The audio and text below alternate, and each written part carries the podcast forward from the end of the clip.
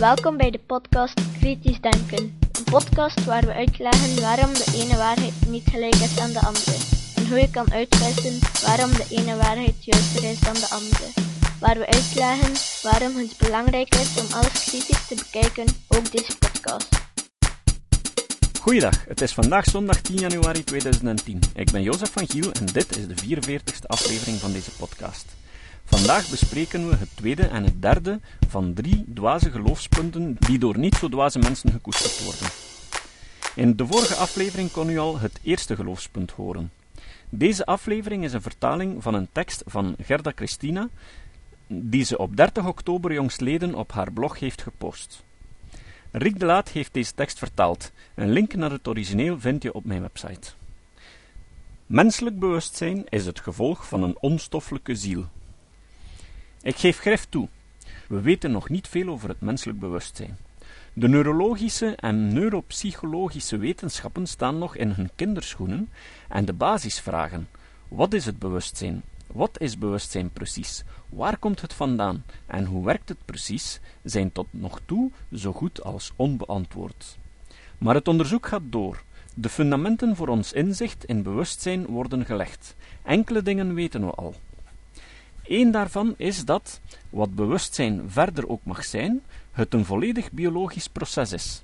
Massale hoeveelheden bewijsmateriaal wijzen in deze richting.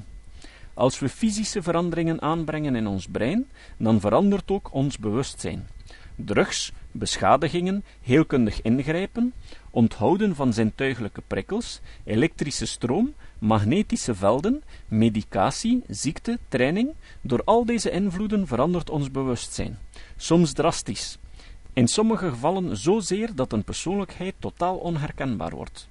Zelfs kleine ingrepen in het brein kunnen soms zeer grote veranderingen in het bewustzijn veroorzaken, soms tijdelijk, soms permanent. Dit werkt evengoed omgekeerd. Magnetische resonantie beeldvorming, MRI, toont aan dat als mensen verschillende gedachten denken, verschillende delen van het brein actief worden. Veranderingen in denken geven veranderingen in breinactiviteit, net zoals veranderingen in het brein veranderingen in denken voortbrengen. En natuurlijk is daar ook nog die drastische verandering in bewustzijn teweeggebracht door de drastische verandering in ons fysisch brein, die dood wordt genoemd. Al het beschikbare bewijsmateriaal leidt tot het besluit dat, als het brein sterft, ook bewustzijn ophoudt te bestaan. En met als het brein sterft bedoel ik niet wanneer het brein even een tekort aan zuurstof heeft, ook bekend als bijna doodervaring. Ik bedoel ermee als het brein doodgaat, voor altijd. Het geloof dat het bewustzijn de dood overleeft, is waarschijnlijk de meest onderzochte bovennatuurlijke hypothese. Niemand, ook geen wetenschapper, wil voor altijd doodgaan. Maar het is nooit, nooit hard gemaakt. Rapporten genoeg, maar bij grondig onderzoek met een degelijke, wetenschappelijke methodiek vallen ze als kaartenhuisjes in elkaar. Alles wat we weten over bewustzijn wijst op een fysisch-biologisch proces. Fysische veranderingen veroorzaken waarneembare feiten. Als we dat bij enig ander fenomeen waarnemen, gaan we er automatisch van uit dat wat er plaats grijpt een spel van fysische oorzaak en gevolg is. We hebben geen enkele reden om aan te nemen dat dit voor het fenomeen bewustzijn anders zou zijn. Er is eveneens geen greintje bewijs te vinden dat het bewustzijn een, zij het ook maar gedeeltelijk, bovennatuurlijk fenomeen zou zijn. Er zitten nog vele hiaten in ons begrijpen van bewustzijn, een understatement dat kan tellen. Maar er is nergens ook maar enig stukje solide, natuurlijk verzameld bewijsmateriaal te vinden dat erop zou kunnen wijzen dat een van deze hiaten zou kunnen worden weggewerkt door de hypothese van een onstoffelijke ziel. Er bestaat zelfs geen enkele goede, testbare theorie die verklaart hoe die onsterfelijke ziel met dat fysische brein zou moeten interageren. Het enige dat dit idee ondersteunt is het persoonlijke intuïtieve aanvoelen van de kant van de gelovers dat de ziel niet fysisch is, omdat, wel, het zo lijkt te zijn. Duizenden jaren lang hebben gelovers met eenzelfde intuïtief buikgevoel het aan elkaar doorverteld er uitgebreide rationalisaties voor bedacht en het opgeschreven in hun heilige teksten. Dus, Er is niet het minste bewijsmateriaal dat de idee van een onstoffelijke ziel die het menselijke bewustzijn aandrijft, ondersteunt. En er bestaat een significante hoeveelheid bewijsmateriaal voor het tegendeel. Een bewust heelal. Je zou je kunnen afvragen waarom ik dit speciale geloof nu opneem in mijn drie belangrijke punten. Waarom richt ik nu net tussen al die uiteenlopende geloven in de wereld van vandaag mijn pijlen op dit New Age, neo-heidens, Wicca geloof in een wereldziel? Mijn antwoord? Omdat ik in Californië woon. Voilà. Daarom wil ik nu net dit speciale geloof doorprikken. En dat zal ik doen door te herhalen wat ik hierboven in punt 2 heb gezegd. We begrijpen nog niet wat bewustzijn is, maar we weten wel dat, wat het ook mag zijn, het een biologisch gevolg is van de werking van het brein. En het heelal heeft geen brein. Het heelal heeft geen enkele fysische structuur in staat om een bewustzijn te onderhouden. Het heelal heeft geen neuronen, dendrieten of gangliën. In het heelal vind je sterren, planeten en andere astronomische lichamen van elkaar gescheiden door onvoorstelbaar grote gebieden van lege ruimte en sterren en planeten, en nog van die dingen gedragen zich niet als neuronen en dendrieten, en nog van dat.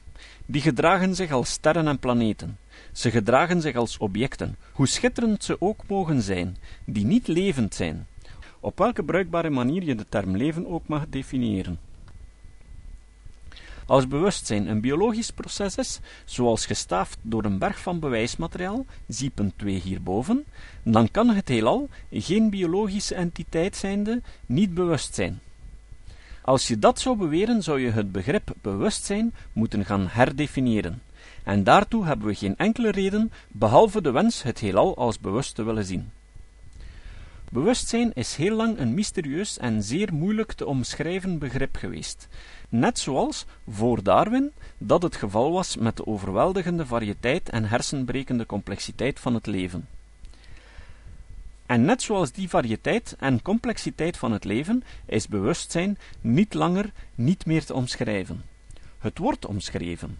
En het onverklaarbare wordt verklaard. En het wordt uitgelegd als een biologisch fenomeen. Een fysisch spel van oorzaak en gevolg. Dus, weer al is er niet het minste beetje bewijsmateriaal dat het idee van een bewust heelal ondersteunt. En is er weer een hele hoop bewijsmateriaal voor het tegendeel. Zover zijn we. Maar ik hoor het geroep al. Hoe kan je dat bewijzen? Je kan dat niet met volledige zekerheid weten. God zou op de evolutie kunnen ingrijpen op dezelfde manier als de natuurlijke selectie dat doet. Er zou een onstoffelijke ziel kunnen bestaan die met de biologische processen van het bewustzijn interageert op manieren die we nu nog niet kunnen waarnemen. Er zou een eigenaardige vorm van bewustzijn kunnen bestaan die we niet begrijpen, een die gegenereerd wordt door sterren, planeten en levensloze astronomische lichamen. Je kan niet met absolute zekerheid aantonen dat dat niet kan. Je ongeloof is ook maar een andere vorm van geloof. Mijn antwoord: nee, we kunnen dat niet met 100% zekerheid weten. Maar we kunnen ook niet met 100% zekerheid aantonen dat het heelal geen 6000 jaar geleden werd geschapen, door een god die opzettelijk knoeide met de fossielen, de genetica, de geologie en de wetten van het atomaire verval, alleen maar om ons geloof op de proef te stellen. Of dat dat allemaal het werk was van Satan om ons te misleiden en tot ongeloof te brengen. We kunnen evenmin met 100% zekerheid aantonen dat hosties niet veranderen in het lichaam van Jezus Christus. We kunnen verdorie nog steeds niet met 100% zekerheid aantonen dat de aarde om de zon draait en dat al onze zintuigen en logische vaardigheden niet door de een of de andere betuvelde God wordt misleid om te denken dat dat wel zo is. Het doet er ook niet toe. Zoals ik meerdere keren heb gezegd, 100% vaststaande zekerheid is hier niet de doelstelling. Redelijke aanvaardbaarheid, gedragen door zorgvuldig verzamelde en nauwkeurig geteste data, dat is ons doel. En als er geen enkele reden is om het etiket redelijke aanvaardbaarheid, gedragen door zorgvuldig verzamelde en nauwkeurig geteste data, toe te kennen aan het jonge aardecreationisme, dan gaat het ook niet op om tevreden te zijn met als je het niet voor 100% kan weerleggen, dan is het voor mij redelijk om het te geloven, voor geloof in theïstische evolutie, een onstoffelijke ziel en een bewust heelal. Als je aanneemt dat jonge aardecreationisme volledig weerlegd is door een berg wetenschappelijk bewijsmateriaal, zelfs al moeten we toegeven dat er een 0,00001% kans is dat het waar zou kunnen zijn, dan moet je, als je consequent wil zijn, dezelfde standaard, dezelfde bereidheid aan de dag leggen om de redelijke argumenten van de wetenschap over welke ideeën wel of niet plausibel zijn op alle religies te gaan toepassen. Op die, ook op die van jou. Vooral op die van jou. Niet alles wordt bepaald door je eigen mening of standpunt. Niet alles kan in iets heel anders veranderen als je er op een heel andere manier gaat naar kijken. Sommige zaken zijn eenvoudigweg waar of niet waar. Het is niet waar dat het heelal 6000 jaar geleden werd geschapen. Het is niet waar dat het universum om de aarde draait. Het is niet waar dat evolutie gestuurd wordt door Gods hand, of dat bewustzijn gekoppeld is aan een onstoffelijke ziel, of dat het heelal een bewustzijn heeft. Deze zaken zijn onwaar om dezelfde reden dat het jonge aardecreationisme onwaar is. Ze zijn niet waar omdat we geen bewijzen vinden die hen ondersteunen. Ze zijn niet waar omdat het voorhandene bewijsmateriaal er lijnrecht tegen ingaat.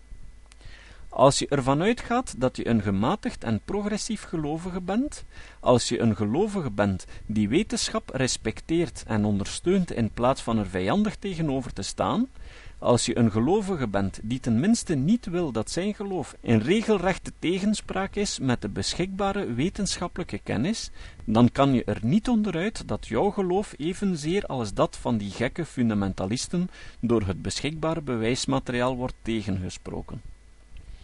En als het antwoord hierop ja is, dan kan je niet anders dan het geloof los te laten.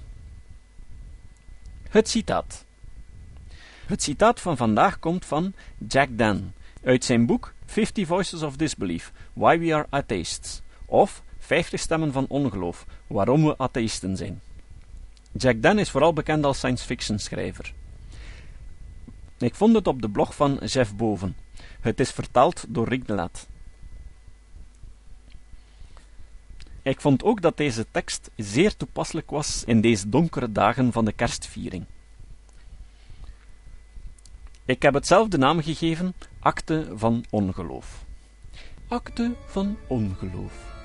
Ik hoop al de demonen, geesten, engelen en elfen van mijn psyche te leren kennen. Ik hoop de geesten van de gedachte en van wat mogelijk is te verkennen. Ik hoop alle verwezenlijkingen van de mensheid op het gebied van kunst, wetenschap en technologie te kunnen appreciëren. En ik zal enkel mijzelf en anderen verantwoordelijk stellen voor alle fouten, kleinzielige vreedheden, holocausten, oorlogen en slagvelden van het verleden, heden en toekomst. Ik zal het veilig gevoel dat alles een doel heeft, laten voor wat het is. Ik zal niet om verlossing vragen de goden, zal ik nog iets verwijten, nog om iets smeken. Ik zal mij niet inlaten met superstitie en irrationaliteit om mijn angst voor de dood en onzekerheid te baas te kunnen. Ik zal doorgaan te schouwen in de diepe vijver van mijn eigen sterfelijkheid en er niet uit schrik van weglopen. Amen. Tot de volgende keer.